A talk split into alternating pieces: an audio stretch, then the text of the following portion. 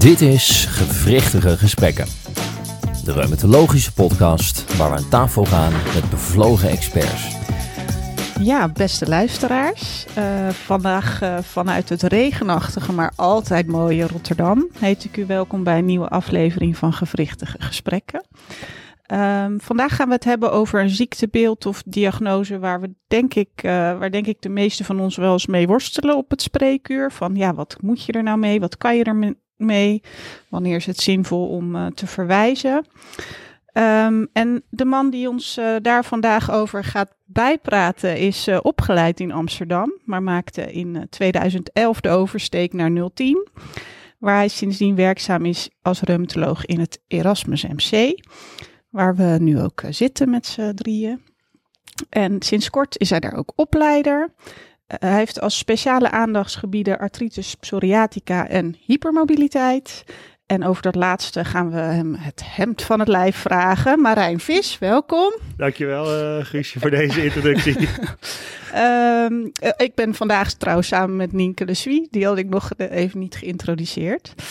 Um, maar uh, ja, Marijn, je bent opgeleid in Amsterdam, gepromoveerd daar ook. Uh, op welk onderwerp? Ja, ik ben, ik ben gepromoveerd op een onderwerp, uh, ja, dat over reumatoïde artritis. het gebruik van biologicals en met name wat het effect daarvan is op het botmetabolisme. Dat is een hele andere hoek waar ik nu eigenlijk in beland ben. Precies, ja. ja. Kan je dan even vertellen van hoe je die overstap dan hebt um, gemaakt? Ja, dat is, uh, kijk goed, dat vraag je hele team. Nee, dat, nee.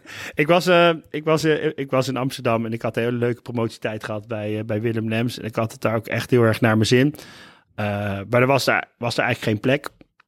Uh, om te blijven. En ik wilde, wist ook eigenlijk niet of ik altijd maar in de academie wilde blijven. En toen uh, zei Irene van der Horst, die denk ik uh, Mieke Hazes goed kende. Maar die zei tegen mij, Marijn, ik denk dat Rotterdam iets voor jou is. Ik zeg, in het academie. Zei Irene, ja, dat is misschien wel goed voor jou in de academie. Dus toen ben ik hierheen gekomen. En toen heb ik wel gedacht van, ga ik dan verder met waar ik mee bezig ben? Nou, dat heb ik hier wel onderzocht, maar in tegenstelling tot de VU lag de osteoporose hier heel anders verdeeld. En je had echt al een sterke uh, professor, uh, Corona Silicons. En ja, ik dacht, als ik nou dat ga doen, dan blijf ik hier altijd een beetje achter Corona hangen. Of als ik in Amsterdam blijf, dan blijft Willem, ja, die dat uitstekend doet, blijf ik een beetje achter Willem. Dus ik dacht, ja, ik wil eigenlijk wel iets voor mezelf. Dus toen ben ik in Rotterdam gewoon een hele andere, andere kant op gegaan. En ik vond vind Bob Metabolisme nog steeds super interessant. En ik, ik, volg ook nog wel sessies, maar ik doe er wetenschappelijk uh, niks meer mee op dit moment. Nee. nee. Maar, dat is wel jammer, maar het blijft, het blijft met Erik pakken het af en toe op.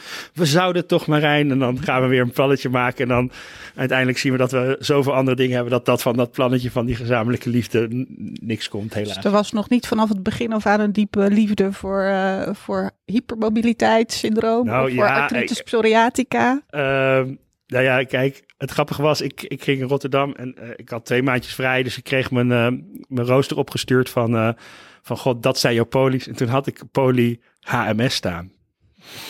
Ik zeg tegen mevrouw, ik zit al een honderd jaar in de reumatologie, maar wat waar HMS voor staat, weet ik niet. Dus moest ik even googlen. Ik dacht, oh, ik ga hypermobiliteit. Ik dacht, nou, interessant. Uh, en toen, daar heb ik geen verstand van. Dat was elf jaar geleden. Uh, maar weet ik wel, dacht, uh, leuk is nieuw, dat ken ik niet. Dus dat, uh, dat, dat, dat, dat kan vallen te leren. En toen zat die hele aardige dokter Rieken Arends. die zit nu, dat is een Zuid-Afrikaan die ze hier hadden in een tijd. Die zou het bijna niet meer geloven dat we een tekort hadden aan reumatologen in Nederland. Voor, jullie, voor, voor, jullie, voor jullie jonkies. Um, die hij is uiteindelijk naar Zuid-Afrika gedaan. Hij, had, hij was opgeleid bij, uh, uh, ja, in, in die groep in Zuid-Afrika had je altijd, had je voor mij, voor mij zat er Bobena of zo, een van die, van die hypermobiliteitsgurus zat. Dus hij wist er wel veel van, had ook gezien. En eigenlijk het zorgpad was eerder daar al opgezet. Uh, voor mij, ja, El is daarmee begonnen. Die samen met, uh, die zagen van ja, er zijn patiënten met mobiliteit en wat, moeten we daar nou mee? Die zweven ook maar een beetje. Dus uh, dus ik kwam hier en toen, uh, toen ging ik HMS doen. Uh, ja, dat, dat is uitgegroeid en, en mijn PSA is gewoon eigenlijk hier ontstaan. Uh, Jolande Luimen zat hier en Ilja Titverikov. En we zaten in, in, in, onze, in onze regio je Cicero en we wilden daar graag onderzoek mee gaan doen. We hadden natuurlijk al ervaring met de uh, Triech en de Reach, die heel erg breed in de regio gedragen werden. Maar die waren van het Erasmus MC en Cicero, die samenwerksverband, wilde eigenlijk gewoon ook iets met z'n allen doen. Waarbij we met z'n allen mensen die in Cicero zitten iets samen kunnen doen. Nou, toen hebben we met alle. En daar kwam uit van, goh, waar weten we nog niet zoveel van? Ja, en toen was PSA was iets waarvan we zeggen, ja, daar zien we wel heel veel, maar weten we eigenlijk niet zoveel van. En volgens mij is dat een veld waar we wel uh, wat kunnen bijdragen.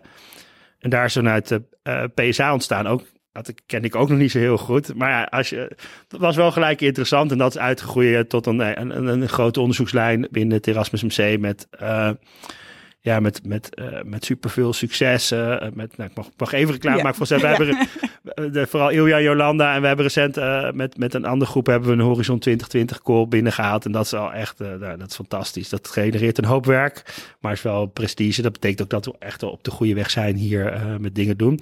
Ja, en, en PSA is sindsdien eigenlijk al ook echt een, ja, het is een fascinerende, hele interessante ziekte om om het over te hebben. En misschien ook misschien wel... voor een volgende aflevering. Ja, ja we moeten, we ja, moeten nou, nog een er keer zijn, naar er, er zijn nou een hele hoop leuke andere mensen die je daarover kan praten. Maar vandaag over hypermobiliteit, dat Ja. is helemaal... eh, Het doet me wel een beetje Marijn aan Pipi Langkous eh, denken, wat je, denken wat je nu eigenlijk vertelt. Van ik kan het niet, maar eh, ik ga het toch maar gewoon eh, Ja. doen. Ik weet ja, nou, ik, ik ga het wel gewoon doen. Ik, ben, ik, ben, ik heb een zoon die zegt dan, ik kan het niet, maar ik ben er vast goed in, zegt hij. Ehm, ehm, dat heb ik niet, maar het is wel, ja...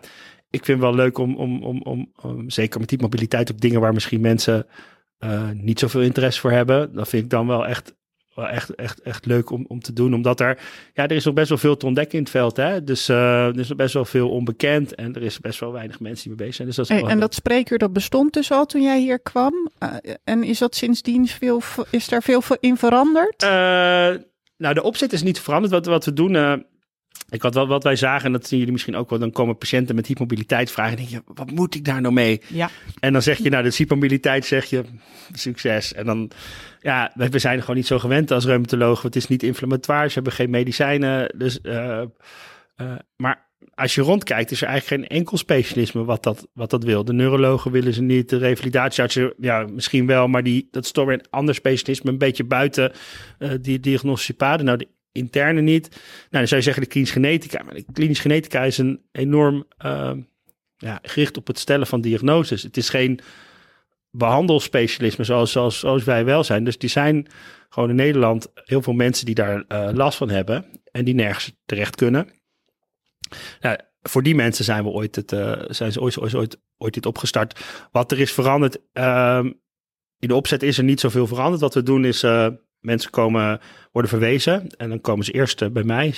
Dan heb ik 45 minuten, uh, probeer ik zoveel mogelijk ja, tot een diagnose te komen. De vraag is altijd, is het hypermobiliteit of is het EDS hypermobiel type? En de tweede vraag is dan, hoe moet ik mijn klachten zien in die diagnose? En dat, dat is eigenlijk soms nog wel het moeilijkste deel.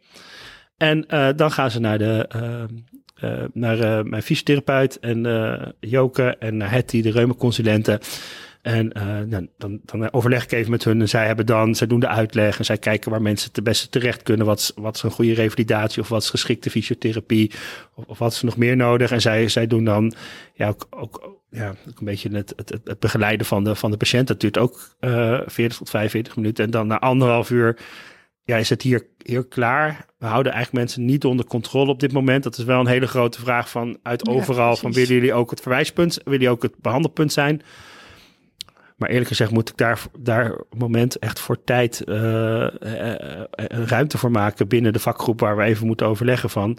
eh, is dit een kant die we ook op willen? Want dat, dan, gaan we, dan is het wel all in. En daar weet ik nog niet per se of ik dat, of ik dat op dit moment heel erg wil. Dus ja, vraag of dat bij de reumatologie moet. Ja, het probleem is als we het niet bij de reumatologie doen, wie gaat het dan nog pakken? En dan blijft het een zwevende patiëntengroep. Dus misschien moeten we daar met de klinisch genetica of hier met de interne moeten we uh, iets opzetten. En ja, wat er is veranderd in die jaren is dat we gewoon wel, wel veel meer weten. Dat we meer complexe patiënten verwezen krijgen. Uh, sinds uh, een jaar zijn we NFU expertisecentrum samen met de klinisch genetica en met alle andere specialismen die hier komen. En dat heeft nu wel veel aandacht getrokken. Dus we zien dat de, de problematiek die verwezen wordt. Uh, dus vroeger was het alleen, is het een diagnose ja, nee. Nu is het ook, uh, uh, deze patiënt heeft hypermobiliteit. Er is ooit een keer gezegd EDS, maar er staat nergens op papier. Maar de patiënt heeft ook last van maagontleningsstoornissen, atone blaas, reciverende subluxaties. Um, kun je de begeleiding overnemen? En dat is nog weet je, want die mogelijkheid heb ik hier ook gewoon niet. Nee. Eh, dus daar, daar zijn we een beetje zoeken op dit moment. Het is eigenlijk wel lastig hoe je ernaar moet kijken. Hè? Dat vind ik zelf ook altijd. Dus mensen die zijn lenig. Maar ik weet niet, misschien ben jij ook wel lenig of ben jij wel lenig. En ik kom vaak mensen tegen die lenig zijn, die hebben helemaal geen klachten. Als Nee. ik een praatje geef, dan zie ik eh AIOS eh, soms ook eh, hun handen alle kanten op draaien. Maar waarom heeft de een wel last en waarom heeft de ander, ander geen last? En dat ligt in ieder geval niet in het hebben van de diagnose EDS of hypermobiliteitsspectrum, HMS of hypermobiliteitsspectrumdisorder. Dat zit hem in, in andere dingen die we nog niet zo goed... eh, die we nog niet zo goed, die we nog niet zo goed weten, zeg maar. En, en daar zit ook eigenlijk wel ehm, het grootste probleem. Die, die klinische genetica die die diagnose stellen, die hebben hele strikte criteria gemaakt. En wat ze met die strikte criteria gedaan hebben, is dat eigenlijk mensen die ehm, al bijna niet een clear cut in zo'n EDS-diagnose vallen, al niet mogen komen. Ja, dat, dat is inderdaad ook wat mijn beeld is. Dan pak ik, de- je krijgt die verwijsvraag wel eens. En dan, eh, dan kijk ik weer even naar die kenmerk van de klinisch geneticus. En denk ik, ja, die patiënt zal ik waarschijnlijk nooit zien die ik naar de klinisch Nee. geneticus kan verwijzen. Want dan moet je heel veel, volgens mij ook bijkomende kenmerken en vaatproblematiek. Ja, En ik- ja, ja. Ja, misschien is het heel goed om heel even naar, naar de basis te Ja. gaan, zeg maar. Dat je nog heel even aan ons eh, onwetende luisteraars uitlegt eh, ja, hoe dat nou precies zit met het Ja. hypermobiliteitsspectrum. Nou ja, kijk, hy- hypermobiliteit is, is, is makkelijk. Daarvoor heb je gewoon de betingcriteria. En die kent iedereen, denk ik wel. En anders kan je ze opzoeken. En dat zijn eh, vijf punten waarbij je kijkt of iemand hy- hypermobiel is. Dat eh, of die verder dan de range of motion kan bewegen. Nou, die afkappunten liggen meestal zo. Ja, voor mannen ligt rond de vijf, voor vrouwen rond de zes. Dat wisselt nog wel eens een beetje hoeveel punten je moet hebben. Maar dan ben je hypermobiel. Nou, dan, eh, dan heb je het hypermobiliteit eh, syndroom of hypermobiliteit spectrum disorder. Dat zijn mensen die bij hun hypermobiliteit er ook klachten van hebben. Dat kan eh, meestal, bijna altijd is dat, is dat pijn. En ehm, eh, dat, dat kan, kunnen verschillende soorten, soorten pijn zijn. Maar er kunnen ook andere klachten zijn. Zoals, ja, weet niet, vermoeidheid, cognitieve problemen, dat soort dingen. En als je dan vraagt, is het nou hypermobiliteitssyndroom of is er een stap naar EDS? EDS eigenlijk een, is een heterogene groep ziektes. Is heel, is heel wisselend. Maar wat ze kenmerkt is dat ze allemaal hypermobiliteit hebben. Dat ze iets van ehm huidlaxiteit hebben. En dat ze eh een, iets van aanleg hebben voor tot weefselfragiliteit. Dat is, eigenlijk, dat is eigenlijk wat al die ziektes binnen die eh, grote club van EDS samenbindt. Maar als je dan kijkt wat, dan, dan heb je de, heb je heel, dan heb je inmiddels 13 of 14 verschillende types. Er wordt er nog wel eens eentje aan toegevoegd. Maar als je kijkt wat die dan voor genetische achtergrond hebben, zitten ze allemaal op verschillende plekken in, in, die, in die DNA waar, die, eh, waar al die bindweefsels gemaakt worden. Zitten niet dat ze allemaal net op een andere plek in, eh, in het col 5 eh, een afwijking hebben. Ze hebben allemaal verschillende DNA's. Dus die, die, die, onderliggende genetica is al heel, dat wat zal leiden tot ja, hele andere bindweefselstructuren. Ehm, en die ziektes, die, die hebben dan allemaal wel, die lijken dan wel weer een beetje op elkaar. Dat, dat ze allemaal iets uit die, uit die, uit de, of hypermobiel, of uh, huid, uh, overlaxiteit hebben, of weefselfragiliteit hebben. En dan, uh, ja, dan kent iedereen nou, de, de, de, de belangrijkste types. Die zijn in 2017 weer allemaal gehergedefinieerd. En een heel nummer van de American Journal of Genetics wat erover gaat. Ja, belangrijkste type, die kent iedereen, dat is het klassieke type. En dat wordt dan heel erg, wordt dan vooral gekenmerkt door hypermobiliteit en huidfragiliteit. Dus die mensen hebben vaak hele opvallende striën, maar het meest opvallende is dat ze heel veel littekens hebben. En, dat, en, dat, als je er één gezien hebt, dan vergeet je het nooit vooral. Kinderen spelen vaak op hun knieën of vallen op hun knieën. Ze hebben vaak hele grote littekens op hun knieën en, en, en elleboog zitten. Dat is wat. Dat en is ook niet wat op zich op latere leeftijd in Nee, één keer dat manifesteert. moet je- dat dat, moet is je- al dat moet je van heel vroeg duidelijk. Ja, dat, moet je, zou, dat zou je al relatief vroeg moeten. En, en dat gaat om, want ik ken het uit de boeken, ik heb het dus zelf nooit gezien, maar dat gaat dus echt om eh, een knie vol met littekens. Nee, niet, dan- niet, niet één streepje. Nee, nee, niet één streepje. En wat je hebt bij, eh, bij het klassieke type, dat noemen ze dan die secret paper scars. We kennen zelf al eens een keer als een zo'n zo'n zo'n zo'n litteken op een beetje een tractieplek zit, dan gaat hij een beetje openstaan. En dat, dat zou je dan een atroof litteken kunnen noemen. Dat, het, dat, dat, dat de huid daarbinnen een beetje trofisch is, zeg maar. Niet of atrof is, maar niet helemaal zo mooi is daarnaast. Maar die zijn echt heel dun en echt brede littekens. Die kinderen, als ze vallen, dan vallen ze ook vaak wel behoorlijk, behoorlijk open. Dat is, dat, is, dat is eigenlijk een belangrijk kenmerk van, van klassiek. Nou, dan heb je eentje eigenlijk, dat is degene die je denkt, die je niet wil missen. Dat is het vasculaire type. Uh, en wat het opvallend is, dat daar de hypermobiliteit soms nog wel meevalt. Dus je hebt uh, daar met name vaak hypermobiliteit van de hand. Dus de hele lenige vingers, hele lenige voeten. Um, en dus die enorme vaatkwetsbaarheid die kinderen hebben. Uh, vaak in de familie al, ouders of opa's en oma's die al op jonge leeftijd aneurysma hebben gehad of een, of een, of een andere ernstige bloedingscomplicatie. Uh, pneumothorax, ook iets wat, daar, wat je daar wel veel ziet in die families. Um, ja, en dat, dat wil je niet missen, want die mensen kunnen op jonge leeftijd een, een, een aneurysma krijgen. En er zijn tegenwoordig wel met bepaalde type beta-blokkers kan je dat voorkomen. Je kan die mensen jaarlijks controleren, zodat je, dat je dingen voor kan zijn. Maar ook die mensen zullen zich hoogstwaarschijnlijk niet op een poli presenteren met chronische pijn. Nou ja, nou, dat, dat nog, uh, die kan je er nog wel eens uitvissen. Ik vis, dit, meestal zijn ze al wel ergens anders onder controle. Uh, maar eerlijk gezegd heb ik uh, meer vasculair gezien dan ik klassiek heb gezien. Uh, ook omdat ze, ja, wat, wat ook natuurlijk is, wij krijgen ook wel eens mensen gewoon puur voor de begeleiding. Hè? Dus dat de klinisch genetica zegt, deze patiënt heeft heel veel pijn, daar kan ik niks mee. En er is voor die vasculair een supergoed zorgpad. Uh, die mensen worden, dat, dat is helemaal goed geregeld. Die worden gescreend door de cardioloog, die hebben jaarlijks afspraken. Maar die komen via een hele andere route Die komen dan via een andere route, binnen. komen ze binnen, niet primair. Maar dit kan wel, want dit, je kan op je, ja, uh, je, je, kan wel deze in, makkelijk in het wild treffen. En dan wil je ze eigenlijk ook liever niet missen. Wat ze hebben, als je ze nakijkt, is dat dus die hypermobiliteit soms wel meevalt. Maar wat ze hele, ja, je kan bij die, je moet het maar eens kijken. Ze hebben hele omvallende gelaatstrekken.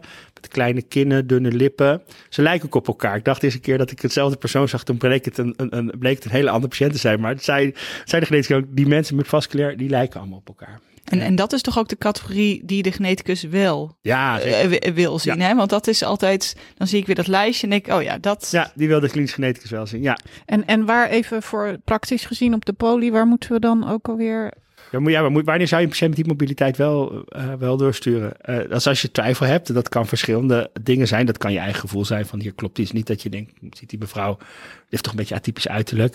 Maar ik vind de mensen met, uh, ja, met, met bloedingsproblemen in de voorgeschiedenis, met een familie met bloedingsproblemen of aneurysmata, die moet je zeker doorsturen. Ik ben niet geneticus genoeg om het helemaal te snappen. Ik heb natuurlijk altijd ja, dat die fenotypes net wat anders zijn dan je verwacht. Hè? Dus dat hij net weer een variantje is of zo. En dat het minder erg is. En dat ze pas later uh, opvallende klachten krijgen. Um, die, die gekke huidafwijking hebben. Dus uh, brede littekens, opvallend veel striae. Die, die, willen, die willen de klinisch geneticus ook wel uh, graag zien. Mensen met afwijkingen met, met lange armen ten opzichte van hun, uh, van hun romp. Ja. Dat zie je er vaak ook wel aan af. Dat zie je bij Marfan. Maar er zijn ook wel bij de, bij de andere DDS vind je daar ook wel varianten uh, varianten op mensen die heel vroeg uh, al verzakkingsklachten hebben of mixieklachten hebben. Die zijn ook heel welkom bij de, uh, bij de geneticus. De, ja, dit is het, het, rode, het rode lampen. Het rode, ja, de geneticus heeft gewoon gezegd van mensen met die mobiliteit met dit en dit, die mogen wel. En met mogen niet. En ja, en die tussencategorie, die, die mag je naar mij toe verwijzen. Of die kan je zelf doen. Ah, ja, je hebt natuurlijk van die hele zeldzame. En het belang is, je hebt natuurlijk van. Je hebt veertien types en dat gaat van een type waarbij je bijvoorbeeld enorme mitralis insufficiëntie hebt. Dat is het, het, het valvulair type. Je hebt mensen, die kinderen die met een hele ernstige kyphoscoliose geboren worden of snel ontwikkelen. Dat is ook een type. Je hebt mensen, kinderen met heupenproblemen, die worden nog wel eens gemist vroeg in de jeugd. En dat gewoon toch niet helemaal goed. In Nederland hebben we natuurlijk prima screening op, op, uh, op, heup, op heupdysplasie. Maar er zijn ook wel eens kinderen die daar doorheen nou, daar, dat is, maar dat is super zeldzaam. Daar zijn, ik denk al, ik ben ook, ik ben altijd reumatoloog. En dan zie ik zo'n type vermeld en denk ze altijd vast belangrijk zijn. Ik heb het laatst nagevraagd. 20 gezinnen wereldwijd. Ik denk, oké, okay. oh, serieus, de kans die dat gaat zien is ongeveer, wat, wat? ongeveer, ongeveer nul. En dan, en dan heb je zo'n glijdende trap. En ja, dat is ook wel lach. Ik was in, um, ik was op Rome twee weken geleden voor een congres. En dan ben je, ben je je reuma mindset, kom je daar binnen trials met 600 mensen, 800 mensen. En dan hebben ze vijf families beschreven en een nieuwe, met nieuwe, en een nieuwe genetische afwijking gevonden. denk je, oké, okay, daar, daar kan ik volgens mij niet zoveel conclusies over trekken. Maar omdat genetisch ze dan iets hebben, dan weet je van oké, okay, deze type uitingsvormen zullen, daar, zullen daarbij horen. En wat je natuurlijk... Dat vroeg ik me nog af, Marijn. Op, ja, op, op jullie spreekuur, want hoeveel mensen zie je nou die daadwerkelijk dus de, de, het klassieke type hebben of dat vasculaire type versus de hypermobiele spectrum? Nee, heel, heel weinig. echt heel weinig. Nee. Hoeveel keer per jaar komt? Een klassieke, die pik ik één keer in de tig jaar op. En een, en een vasculaire ook één keer in de tig jaar. En je hebt natuurlijk het, het, het, het probleem. Dat is ook dat is een beetje het probleem. Maar dat, dat zijn de patiënten waar de klinisch geneticus zich voor geïnteresseerd. Dus die mensen zijn sowieso, komen sowieso wel ergens onder dak. waar wij als reumatologen natuurlijk mee stoeien, uh, um, is die mensen met EDS hypomobiel type of hypermobiliteit spectrum disorder of hypermobiliteit. Dat is, dat, is, dat is de moeilijkste groep. Daar hebben wij, daar, daar, daar hebben wij, stoeien wij mee als reumatologen. Ja, en is er iets bekend over, zeg maar, hoeveel, als je kijkt naar iedereen die hypermobiel is, of uh, voldoet, uh, hoe, hoeveel procent daarvan dan last heeft van chronische pijn? Nee, nee, want we hebben nog nooit iedereen met hypermobiliteit uh, onderzocht. Dus dat, dat weten we niet. Uh, um, uh, je ziet wel, als je kijkt naar mensen met die, die zich melden daarmee, dan, heeft, dan, is, dan is 100% van de keren dat ze zich melden, hebben ze in ieder geval gewrichtsklachten. Dat is in ieder geval, iedereen die hypermobiliteitssyndroom heeft, daarvan heeft 100% gewrichtsklachten. Dat is ja, misschien is ook de reden om zich melden, dus dat is misschien een, uh, een cirkelredenatie die we, die we hier aangaan.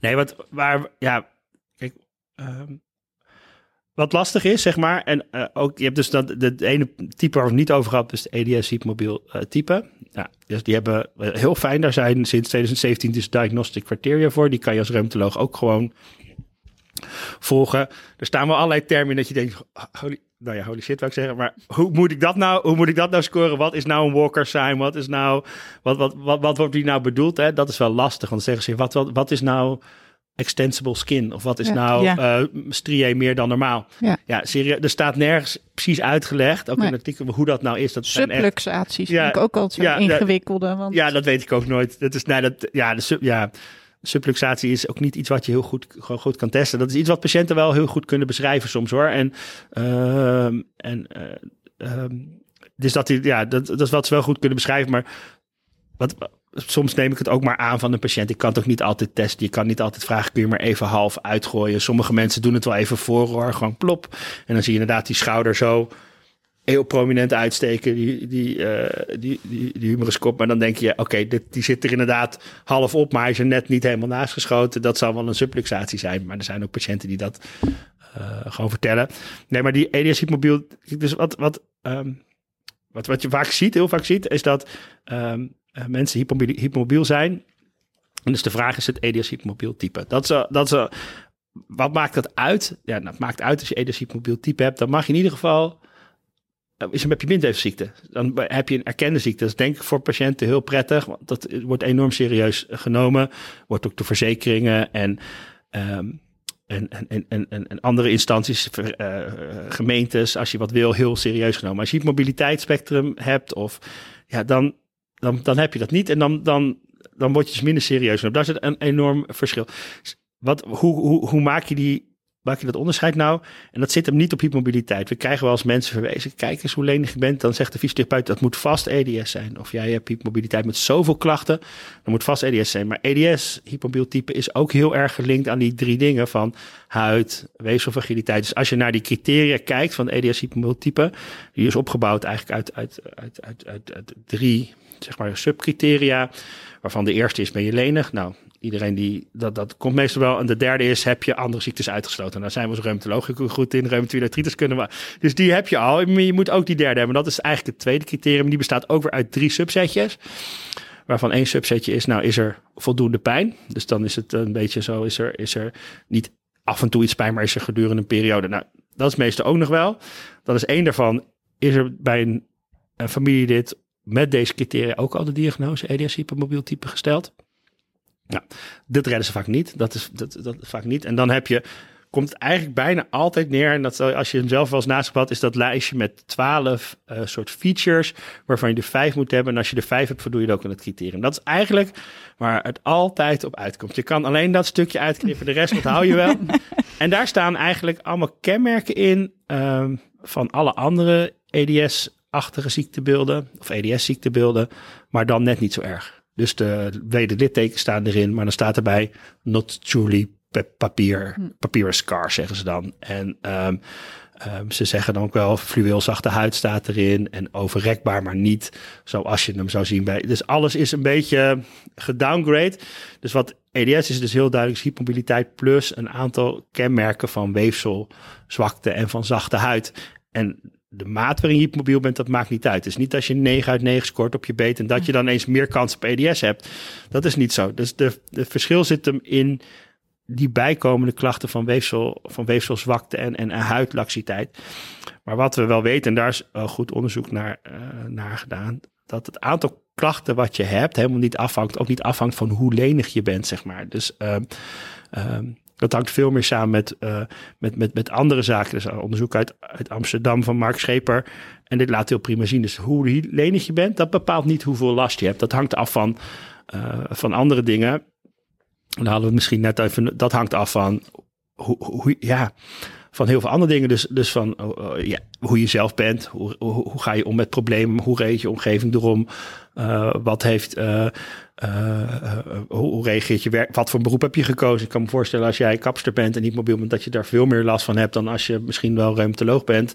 Doet toch echt wel minder met je handen als reumatoloog dan een kapster. Dus dat, dat zijn ook dingen die in de mate van klachten uh, uh, meespelen. Maar daarmee, daarmee zeg ik absoluut niet dat die mensen, ja, dat is altijd lastig. Die, mensen, die klachten zijn wel reëel. We hebben natuurlijk heel snel, mm. dat is een soort chronische pijn te schuiven. En ik denk ook wel dat er een hele sterke link is tussen hypermobiliteit en chronische pijn. En um, wat we niet zo goed weten is of chronische pijn nou veroorzaakt wordt, hypermobiliteit. Ik denk dat daar wel iets voor te zeggen is. Als jij Sommige mensen zijn echt lenig. Hè? En als je dat dan ook navraagt op school, kon ze nooit meedoen met gym. Want ze hadden om de vijf tellen waren ze ge geblesseerd. Dus ze werden nooit gekozen. Heel veel dingen. Als ze dan iets gingen doen met vrienden, dan waren zij altijd de eerste die eruit lagen. Ik kan me voorstellen dat als je jong bent en je hebt een lichaam wat verder normaal is, maar wat altijd tegenwerkt, dat je, dat, een enorme trigger kan zijn om, om een soort verkeerde verhouding met pijn te ontwikkelen. Nou ja, maar het kan ook zijn dat, dat, ja, dat mensen met dat je, dat je hypermobiliteit niet het probleem is, maar dat je een chronische pijn hebt ontwikkeld om een andere reden. En dat je denkt, ja, misschien komt het wel door die mobiliteit. Ik wil zeggen dat je toevallig die hypermobiliteit er ook nog bij hebt. Dat, is, dat, is, dat is heel moeilijk uit elkaar te trekken. En, en je ziet wel in studies dat mensen bij uh, mensen met uh, uh, fibromyalgie er meer hypermobiliteit is. En mensen met hypermobiliteit hebben ook vaak chronische pijn. Dus er zit al een, een, een, een absolute ding, maar dat is moeilijk uit, uit elkaar te trekken. Want de behandeling, consequenties, behandelconsequenties zijn nogal anders? Ga je vooral op kracht trainen of ga je vooral zitten op hoe, hoe ga ik om met mijn problemen? Ik denk dat een keus van uh, uh, voor beide altijd heel goed is. Ja. Ja, dat, dat stukje komt, uh, komt straks nog. Ik kom nog af mijn, want met die Byton score, daar zit ik toch ook nog wel eens mee mm -hmm. te worstelen. Dat mensen dan zeggen, dan vraag ik me bijvoorbeeld met die duim. Ja, nee, nu lukt het niet, want nu doet het zeer. Maar twee jaar geleden kon ik het nog wel. Hoe interpreteer je ja, dat dan? Dat is, dat is moeilijk. Het staat wel in die criteria dat je sommige dingen uh, mag, je ook, mag je ook in retrospect scoren, zeg maar. Um, ja, ik ben. Ik, um, het is wel, je moet het wel goed uit laten voeren. En ik word ook altijd een beetje weary als mensen een hand helemaal in een kromming moeten doen. En dan heel hard knijpen. En dat ik denk van, dan gaat om. Mensen moeten in principe gewoon met een gestrekte arm die duim op de onderarm uh, kunnen draaien. En ook voor die pinken, ik laat mensen altijd de hand op tafel leggen. En dan die pink 90 graden draaien. Want als je hem in de lucht doet, dan gaan die andere vingers wat naar beneden. En dan kom je al gauw niet 90 graden. Laat mensen gewoon die hand op tafel leggen. Je wilt een zo, zo objectief mogelijke uh, uh, beoordeling hebben. En, en, en het is voor, kijk, voor, voor vrouwen, zeg maar, zeg maar zeker in de, als ze nog jong zijn, dus adolescent of zo, ja, dan, dan leg je het afkappunt, moeten mensen echt wel zes kunnen halen, zeg maar. Mannen mogen altijd vijf halen, zeg maar. We zijn daar discrimineren we wel een beetje. Dus dat, dat, dat, ook, ook dat wisselt, zie je nog wel eens per studie of per verwisselen. Maar um, je hebt ook nog een uitgebreidere score, de Bilbena score. Dus soms heb ik ook twijfel. Dan, uh, dan, uh, dan, en dan laat mijn, laat mijn fysiotherapeut een Bilbena score. Die is wat meer involved. Daar zit bijvoorbeeld ook tenen en heupen zitten daarin. Uh, die is wat uitgebreider.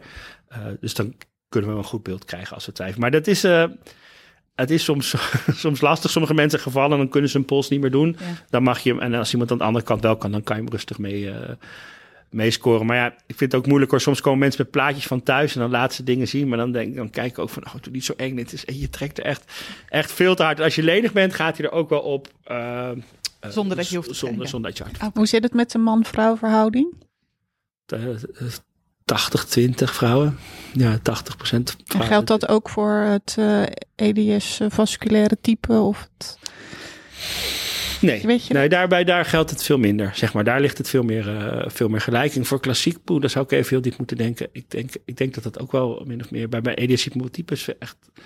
Sowieso het hypermobiliteit met, met pijnklachten, dat zijn met name vrouwen op mijn spreekuur. Ik zie daar, nou, ja, denk ik wel 2080 en zou misschien wel richting 1090 gaan. Het lijkt bijna op een geneeskundeopleiding inmiddels. Eh. Hey, ehm, ik, ik vroeg nog heel even af, want je zei aan het begin van, ja, we, hè, sinds ik begonnen ben, weten we veel meer. Hè? Dus dat is er veranderd. Niet zozeer de, de, de vorm Mhm. van spreker, maar we weten wat, wat is er, wat weten we nu meer dan toen jij begon? De, ja, dat is eigenlijk nog best wel weer be- bedroevend. Laten we vooral zeggen dat onze eigen expertise in het stellen van diagnoses en in het, eh, eh, ehm, in het herkennen van beelden en het duiden van beelden veel beter is geworden. Oh, sorry. Ik moet even dichterbij komen. Dat wat vooral opvalt is, nou, eigenlijk is er niet zo superveel veranderd, denk ik. Eh, die wetenschap gaat best langzaam daar. En er komt vooral uit de klinische genetica, dus we krijgen steeds meer genen, dus we weten steeds meer.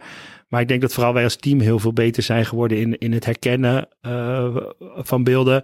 Het duiden van klachten. We hebben, een, we hebben een beter netwerk opgebouwd. En eerlijk gezegd zijn we er nog steeds aan het bouwen. Want het is echt wel zoeken naar mensen eh, ja, eh, die, die mee willen werken. Die, die zeggen van ik vind dit ook een leuk probleem en hier wil ik tijd en investeren. Ik word regelmatig gebeld door gefrustreerde dokters. Die zeggen kom er niet uit. Kan jij die patiënt niet eens zien? Want ik weet echt niet meer wat ik ermee aan moet. Het is ik, ik vind het zijn allemaal super aardige mensen met super reële klachten. Maar ik denk dat door veel dokters eh, de klachten die ze hebben ook in het functionele spectrum ge- ge- geduid worden. En dat is misschien ook wel zo. Eh, ja, patiënten met functionele klachten zijn voor elke dokter moeilijk en leiden tot wel relatief eh, tot frustratie. We vinden liever, soms zeggen ik kan beter reumatoïde artritis diagnosticeren. Want dan heb ik, weet ik eigenlijk precies wat ik moet doen. Dan heb ik tot tien jaar pillen voor u klaar liggen. En weet ik, heb ik reumaconsulenten met programma's en, en steun. En, en weet iedereen wat hij moet doen. Op het moment dat ik die diagnose niet stel, heeft u nog steeds klachten. Maar heb ik even, heb ik even niet direct een hele een makkelijke oplossing. En dat zou voor anderen ook gelden. Dus dan herken je, zeg je van, nou, dan zie je mensen met pijn en dan zie je ook, en dan denk je, dit is, dit is ja, ik zie dat die pijn, het is niet een, iemand die daar, die daar voor ziektewinst zit of zo. En dan denk je van, ja, maar wat is toch best wel veel. Ik kan de patiënt eigenlijk niet helpen. En ik denk, zoals ik het dan niet doe, wie, wie, wie, gaat, het, wie gaat het dan doen? Uh, want het is eigenlijk, als je met die mobiliteit val je overal tussen. Ja. Dat is een groot probleem. Ja. Quick for. Tussendoor doen we even de quick voor. Uh, Marij, wat is je grote passie? Uh, bordspellen. bordspellen. Sorry, nee, ja, wat moet, voor bordspellen dan? Moet, moet, moet, wel even iets. Alles. Nee, nee, bords, nee. Uh, ik, ben, ik ben een spellen-nerd, dat weet Guusje natuurlijk wel. Ik ga elk jaar drie dagen met mijn vrienden naar Duitsland toe. En dan gaan we naar de grote spellenbeurs in Essen. En ik heb er denk ik 350 of zo. Uh, en, en, ja, een hele grote kast. Hele, ja, te groot volgens mijn vrouw. Maar, uh, een aparte kamer dus gewoon. nou, ik heb ze naar de garage moeten verbannen. Maar dan heb ik wel eerst het dak goed laten isoleren voordat ik ze daar neer durf te zetten. Het is allemaal karton. Dus met vocht trekt. Nee, ik vind bordspellen en dan vooral strategische bordspellen. Dus waar je, het is super leuk om met je vrienden aan tafel te zitten. Dat is het leuke van bordspellen is dat je met je vrienden zit. En dat je uh, iets doet wat in anderhalf, twee uur klaar is. En soms ook wel eens lang hoor. Ik speel een spel van zes uur. Maar waar je je hersens gebruikt, zeg maar. We zijn als reumatologen wel ook wel de hele dag met ons hersen bezig. Maar eerst even dat plannen en dat doordenken en denken. Dat, gewoon, dat is gewoon super leuk om bordspellen. Maar, krijg je je gezin ook wel eens mee? Of, uh... Mijn kinderen wel. Mijn vrouw heeft geen, geen sportieve nee. vezel in haar lichaam zitten. Als je daarmee gaat kolonisten zeggen, ah, kan je geen dorp kopen? Hier heb je nou van mij. Ik zeg, nee, Mariek, dat mag echt niet. Sorry. Een hele andere vraag. Wat zou je doen als je niet deze richting als in reumatoloog was opgegaan? Uh, jeetje. Uh, medisch of... Uh... Het maakt niet uit. Ik wil altijd oogarts worden. Nou, iedereen zegt maar goed dat jij geen oogarts bent geworden. Marijn, daar ben je veel te lomp voor. Uh, als ik nou medisch zou ik denk wel revalidatiearts willen worden. Of uh, dermatoloog. Ik doe veel samen met de dermatologie. En dat vind ik eigenlijk ook een, is een heel spectaculair specialisme eigenlijk. is best veel leuker dan ik had gedacht. Maar als je geen geneeskunde was gaan studeren? Een boekwinkel. Een boek. Of een camping. ik dacht, nou komt de spellenwinkel. Nee, ja, dat is te makkelijk. Nee, ik zou, het lijkt mij heel leuk om een... Uh, uh, en dat had mijn vrouw ook leuk gevonden. Nou, we samen een boekwinkel begonnen. Of een camping in Ierland. Dat staat nog steeds. Geen spelletjeswinkel. Nou, dan houden we een hoekjes doen met spellenavond. Oh, ja. En een camping met een, waar je s'avonds een spelletje kan spelen. Na je pensioen. Gaan we ja, ja, nou ja, ja, dat denk ik wel, ja. Uh, als je jezelf op de eerste dag van de opleiding een advies kon geven, wat zou dat zijn? Oei. Um, um, ik had denk ik wat meer, meer gereisd. Wat meer, um, ik heb wel een heel leuk studentenleven gehad, maar het heeft wel heel erg in Amsterdam rond mijn studentenhuis en rond de kroegen afgespeeld, zeg maar. Ik had die tijd dan willen gebruiken om, om iets te leren waar ik nu eigenlijk geen tijd voor heb. Ik had misschien wel een instrument moeten gaan spelen of, uh, of, of, of, of, of, op reis. Ik had, iets moeten, ik had iets meer moeten doen met mijn tijd dan echt vooral een hele prototype student zijn, zeg maar. Maar dat is ook leuk hoor. Dus ik heb, geen, ik heb er geen seconde spijt van. Gelukkig maar. Uh, als je nou terugkijkt, wat is de belangrijkste verandering binnen de reumatologie in, sinds jouw carrière, in jouw carrière? Aller, aller, poeh, jeetje, dan vraag je wat. Um, wat, wat heeft meest veranderd? Nou, wat, wat, ik, wat ik wel opvallend vind, wat ik vind, is dat we gewoon veel minder foto's maken. Toen ik minder begon, foto's, ja, minder radiologie. Toen, toen ik begon met de radiologie, dan was het elke grote visite, ploep, ploep, gingen we de foto's eraan, gingen we kijken. En als het ook maar, kon het, ik ben, ik ben echt begonnen op het moment dat de TNF-blokkers kwamen. Echt, op het moment dat die inflictiemap was, kwam ik de reumatologie binnen. Dus ik heb, dus ik, in het begin was het altijd nog heel erg turen naar die foto's van eerste progressie van schade. Was dan een reden om therapie aan te passen, om iets te doen. Ja, nu eerlijk gezegd. En dat was ook heel strak elk jaar foto's maken. Ik weet niet of dat in Centra nog maar je ziet dat het alweer na twee, drie jaar is. En dat er heel vaak ook niet meer gevraagd wordt van is er wel foto's gemaakt. Ik denk dat dat ja, dat is misschien een side effect van alles wat er gebeurt is in, aan die revolutie. Maar dat vind ik altijd wel weer. Soms denk ik nog wel eens terug aan het kijken naar die foto's op die lichtkasten. En dan stond met Ben Dijkmans, Willem Lems. Dan, ja, is dit wat? Dit is nieuw. Ja, en dan moeten we dan toch niet de therapie aanpassen. En dan, uh, dat, dat, dat, uh, ja, dat is natuurlijk een bijzaak. Maar voor ons jonkies niet meer voor te stellen. Nee, nee. dat je zo, nee, wij keken echt giga veel foto's. En dat is echt niet normaal meer. Echt elke patiënt had had elk jaar handfoto's. Dat was echt hand- en voetfoto's. Dat was gewoon standaard. Daar kwam je niet onderuit. En tegenwoordig, ja, wanneer doen wij nog foto's? Eigenlijk vooral als we denken van, um, als we twijfelen of, het, of de patiënt echt rustig is. En dan doe je foto's en denk je, nou weet je wat, als ik nou schade zie, dan weet ik eigenlijk dat ik misschien toch Dat, ik nog, dat ik misschien toch iets beter had moeten behandelen. En als je patiënt wel altijd tevreden geweest, je das altijd laag, maar er is zo'n knaagd gevoel in je achterhoofd. Of een patiënt die toch over, nog net iets meer over pijn klaagt dan je zou willen. Dan denk je, je doet foto's en als ik dan zie dat ze goed zijn, weet je wat, dan dan doe ik wat. Dan weet ik dat ik misschien iets strakker moet behandelen. Zo. Dat is waar, waar we ze nu vooral voor gebruiken, toch? Ja, ja. ja.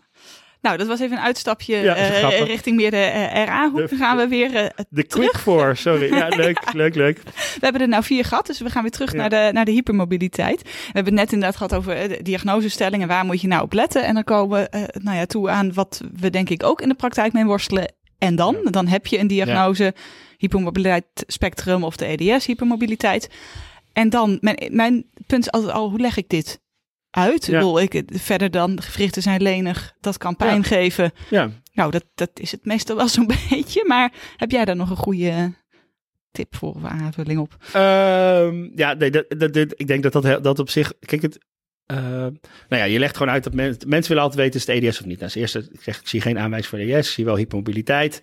Dat is, dat is, dat is, dat is altijd één. En dan zeg ik, nou, daar kun je wel degelijk eh, klachten van hebben. Want eh, ja, die, er zit geen natuurlijke stijfheid in uw lichaam. Hè? Dus je bent continu aan het compenseren of je spieren zijn continu aan het werk om het bij elkaar te houden. Daar, daar zou een deel van de pijn vandaan komen. U, u beweegt uw gewrichten eigenlijk zonder dat u het weet in een gebied waar ze eigenlijk niet zo goed horen. Dus dat geeft, geeft ook pijn. Eh, en en dat, dat gedeelte kan je met fysiotherapie heel goed trainen. Dus als je met stabiliteit weer meer erin krijgt. eh, dat, dat, dat, dat leg ik altijd uit. Maar ik vind eigenlijk wat de meeste mensen zien, dat is denk ik, nou, ja, laat zo zeggen, dat, dat zijn de makkelijke mensen. Hè? Dus die kan je gewoon naar een fysiotherapeut doen. Die hebben vooral pijn. En dan denk je, weet het gaat, dat komt wel goed. Als ik, en dan weten we wel, goede, er zijn wel verschillende soorten fysiotherapie. Want wat het gevaar is als mensen gaan, gaan sporten als ze hypermobiel zijn, is dat ze ja, te hard gaan. Hè? Dus, dus het is echt zaak dat je echt met nul gewicht begint. Want je kan je voorstellen als jouw knieën of polsen overbelast zijn en je moet in een sportschool iets gaan doen om kracht en proprioceptie te trainen, is dat je, dat je te zware gewrichten kiest. En dan sta je daar met je, met je wiebelige polsjes en dan, eh, ja, dan, dan moet je zoveel kracht leveren om te compenseren. Sorry dat ik weer van de microfoon heb gaan. Dat dat weer, dat dat, eh, dat dat klachten geeft. Dus je moet, dat moet echt wel goede begeleiding bij zijn. En die moet ook weten van moeten vanaf van echt vanaf een laag gewricht beginnen. Want je, ja, de kans dat je overbelast met je mobiele gewricht is groot. En dan werkt fysiotherapie eerder averechts, zodat het positief werkt. En, en kun je mensen dan eh, die een makkelijkere eh, variant naar elke fysiotherapeut sturen? Want dat, Nou ja, dat is... ik, eh, ik adviseer mensen altijd wel naar de fysiotherapie en dat Ja. ze moeten blijven trainen ook Ja. vooral. Maar Er zijn, er zijn wel, er zijn zeker fysiotherapeuten met specifieke aandacht voor hypermobiliteit. Eh, eh, maar wat wij, eh, ja, dat is, dat altijd lastig. Wij sturen veel mensen ook wel regelmatig naar fascietherapeuten. Ik, ik, een fascietherapeut is iemand die denkt dat je fasciebladen kan trainen in je lichaam. En dat, ik weet niet of dat kan. Ik, ik twijfel daarover. Hè. Ik bedoel, daar ga ik ook nu niet, daar wil ik niet te veel op ingaan. Ik, maar wat zij doen is echt een hele geschikte vorm van fysiotherapie. eh, die heel goed aansluit bij mensen met hypermobiliteit. Ze trainen veel meer eh, op- een soort functionele stabiliteit. Dus eh, dus wat ze doen is laten, ja, ehm, je zet gewicht en dan laat je hem eigenlijk heel langzaam terugkomen. Er zit veel minder dat wat je bij zo'n sportschool hebt, dat je dan zo'n, stel je moet een, lunch doen of zo, je moet je gewicht heel hard optillen. Dan, wat zij doen is veel meer in de statische houding trainen. Dat, dat werkt heel goed, fascietherapie. Je hebt daar heb ik eerlijk gezegd nog nooit van Nee. gehoord. Dus oké, de, de, Nee, de fascie- fascie- de fascie- fascietherapeut. Nou, nee, maar die mensen zijn, het is, het is, ze zijn ook iets meer over het algemeen op begeleiding van patiënten. Dus ik vind dat, dat, ja, dat daar vinden we wel regelmatig goed. Maar niet niks te nadeel van fysiotherapeut. Maar die manier van trainen die ze kiezen, die past heel goed. Budgettherapie is ook zo'n therapie. Maar ze- dat er een speciale website was, Ja, toch? is- waar, je, waar je dat Ja, dat laat ik heel vaak een hetty over. Ja. Er zijn zeker is ook Ja. een website. Die ze, je hebt een budgetfysiotherapie, is ook zo'n aparte vorm van fysiotherapie. Ja, het zijn vooral mensen die vooral last hebben van hun rug. Dat is wij, dat, ja, soms moet je ook gewoon veranderen. Soms lopen ze vast in de gewone fysiotherapie. Is een andere aanpak. Eh, is daar bewijs van? Alle mensen die gaan klagen, dokter Visser is geen wetenschap voor. Nee, dokter, daar is absoluut geen wetenschappelijk bewijs voor. Dit is ervaring. Is, dat, dus dat, is dat wel heel belangrijk om altijd te blijven trainen. Dat is altijd één. Dat zie je ook eigenlijk waarvoor, als je kijkt waarin de eh, hypermobiliteit bewijs voor is, is dat gewoon het trainen helpt voor, voor het verminderen van, van gewrichtsklachten. Dat, dat helpt heel goed. Eh, ja, en ik vind het ook heel belangrijk, en dat zie je eigenlijk bij bijna alle patiënten, is dat er toch een bepaalde ja, overgevoeligheid voor pijn is ontstaan. Is dat er toch een soort, ja, noem het chronische pijn, noem het fibromyalgie, maar in ieder geval in die, in die relatie met pijn is het misgegaan. En soms ook wel zeg ik van ja, soms zie je mensen met mobiliteit die denken van, goh, jij hebt een lichaam dat, dat, dat, is, dat is relatief slap. Daar zul je problemen mee hebben. Daar zul je altijd wel weer eens een keer uitvallen op het moment dat je, dat je niet wil. Ja, daar moet je ook mee leren omgaan. Dus dan kan je ze soms ja, niet preventief naar de reva sturen, maar vast, dan, dan, dan ze toch naar de revalidatie. En is het echt heel belangrijk dat ze gaan trainen. Dat is één, het moet niet, het is niet, je kan je hypermobiliteit niet wegdenken. Dus alleen maar eh, cognitieve gedragstherapie gaat hem ook niet worden. Maar een mix daarvan is, is vaak echt, eh, ja, werkt vaak, werkt vaak het allerbeste. Eh, en dit, wat, wat, wat, waar, ja, ik weet niet of mijn patiënten, maar wat je moet doen is ook wel, ja, mensen worden heel, dit zijn mensen die heel vaak al gehoord hebben, ja, niks aan de hand, loop maar door, niks aan de hand, loop maar door.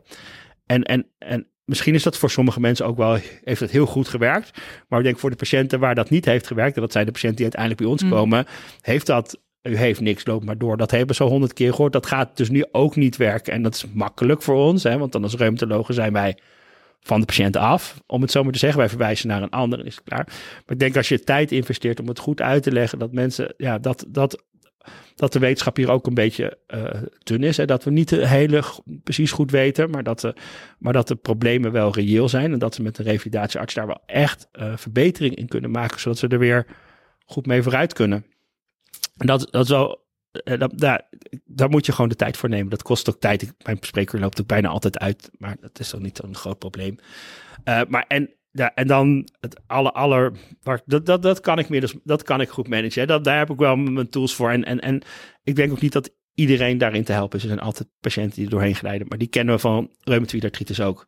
Ja, ja, Ja. dat heb je denk ik bij elk, specialisme. Nou, maar daar, om een of andere reden accepteren we daar soms gemakkelijker dan bij patiënten waar we gewoon minder gevoel bij hebben. En ja, dan heb je bij de hypermobiliteit, en dat is denk ik eh, een punt waar we, waar we nu staan, de, de, de bijkomende problemen. Dus de, ik weet niet of jullie dat op je lijstje hadden staan, of dat nog komt.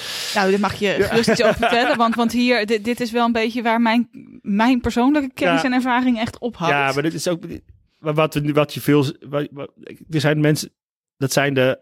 Daar weet niemand mee. Ik word laatst gebeld door een MD-arts uit de Vuurmarijn. Ik heb allemaal mensen die maagontledigingstoornis hebben. Ik kan niks vinden, maar zijn allemaal hypermobiel. Ze hebben allemaal iets. Dus dat is wat je, wat je nu veel ziet, zijn de maagproblemen. Daar is heel veel, heel veel aandacht voor. Dus Uh, het zijn er, niet, zijn er geen honderden, hè? maar het zijn zeker denk ik 25, 30 patiënten, misschien wel veel meer in Nederland die rondzwerven met, die uiteindelijk aan de zonde gaan en waar niemand iets vindt, maar die zijn wel behoorlijk hypermobiel of we doen een EDS hypermobiel type.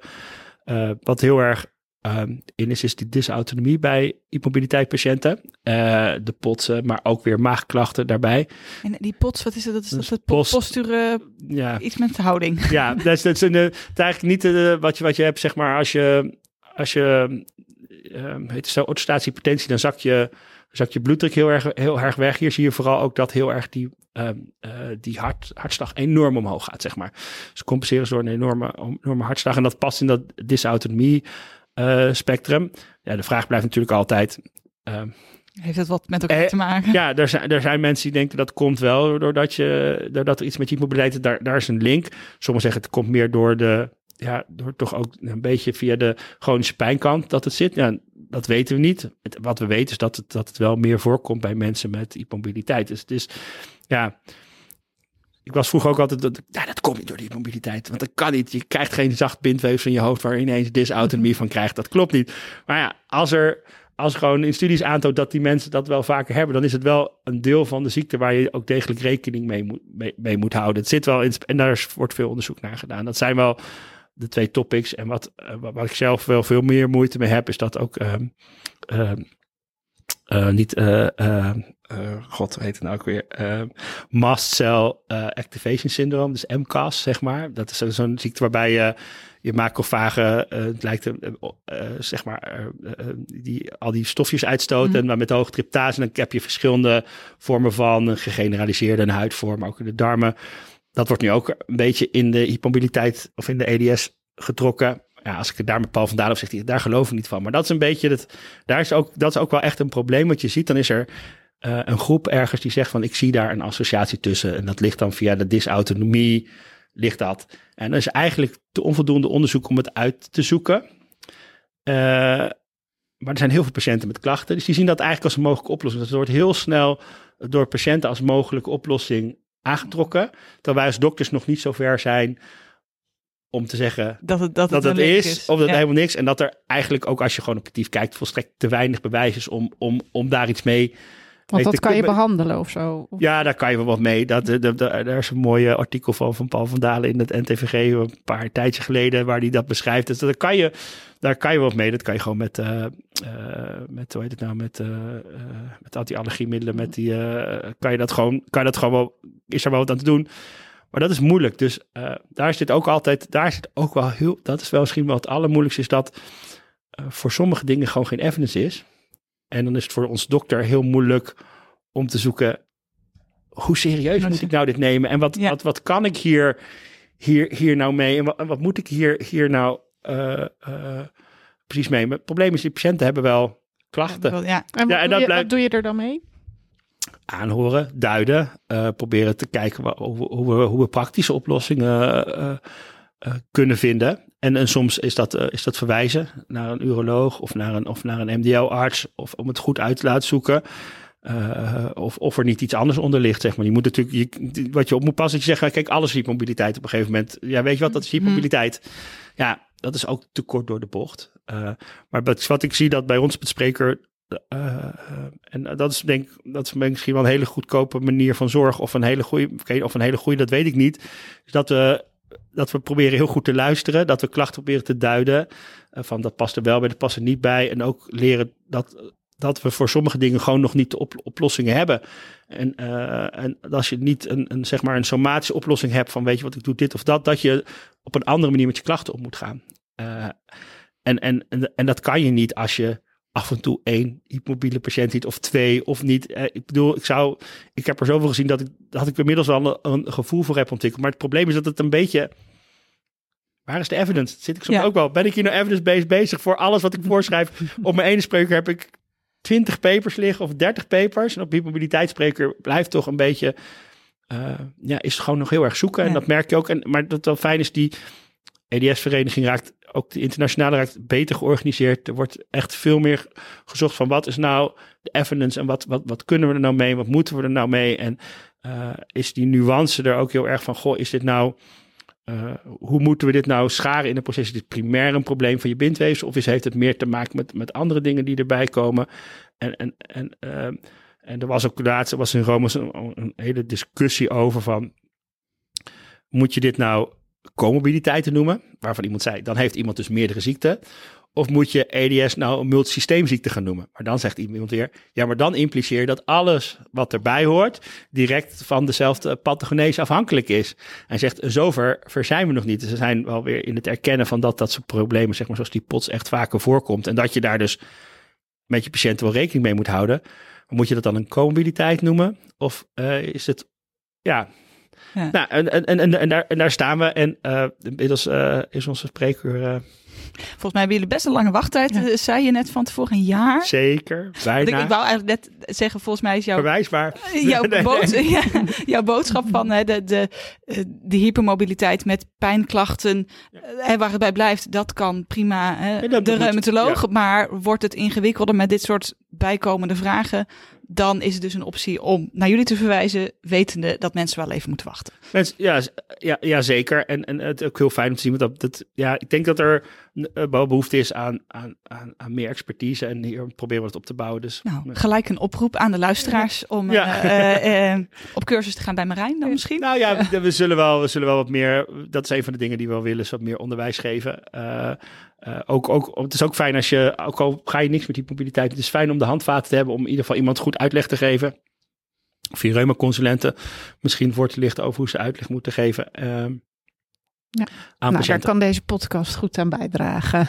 Duivelse dilemma's. Uh, we gaan afronden en wij ronden altijd af met uh, de rubriek Duivelse dilemma's. Oké. Okay. En als het goed is, heb jij die niet van tevoren uh, gezien. Nee. En de eerste is misschien een beetje een inkoppertje: Amsterdam of Rotterdam? Als je moet kiezen. Hij Rot kijkt heel moeilijk nu voor de luisteraar. Rotterdam. Heel goed, heel goed. Uh, PSA of EDS? Hm? En uh, ja, deze, deze heb ik ingefluisterd gekregen van Guusje. Want je gaat blijkbaar altijd naar Texel op vakantie, hebben Ja. we gehoord. Misschien dan ook iets met kamperen en de camping. Ja. En je gaat ook altijd naar Lowlands. Ja. Dus nou is het dilemma. Je mag nooit meer naar Lowlands of je mag nooit meer naar Texel. Oei. Nooit meer naar Lowlands. Dat zullen de Tesselaars leuk vinden. ja, zeker. De vrienden wat minder. Ja, dat is zeker. Marijn, heb je nog een laatste take-home message, afsluitende boodschap voor reumatologie in Nederland? Mm, ja, nou nee, ja, in, in, met, met het gevaar dat ik als een enorme oude, sok klink, zeg maar. Als patiënten komen met de vraag hypermobiliteit, kijk ze gewoon goed na of er ook niet iets anders aan de hand is. Doe gewoon je reumatologische ding, daar, daar zijn we reumatoloog voor. En als je hypermobiliteit vaststelt, eh, eh, neem het serieus. Neem, neem, neem een paar minuten om het uit te leggen of, of, of denk met, de, met je reumaconsulent. Dat denk ik dat dat al enorm eh, zou schelen voor, eh, voor patiënten. De- Gewoon goede voorlichting en een beetje erkenning dat, het, dat, dat ze een reëel probleem hebben. Dat lijkt me een hele mooie boodschap. Dan zijn we aan het einde gekomen van, eh, van deze aflevering. Dankjewel Marijn en dankjewel aan de luisteraars. Tot de volgende We keer. moeten nog even één ding niet vergeten. Inderdaad. We moeten ons even jullie aandacht vestigen op de eh, NVR-podcast over het beleidsplan. Allemaal luisteren, heel belangrijk. Te vinden via de website van de NVR. Bedankt voor het luisteren naar gewrichtige gesprekken. Graag tot een volgende aflevering.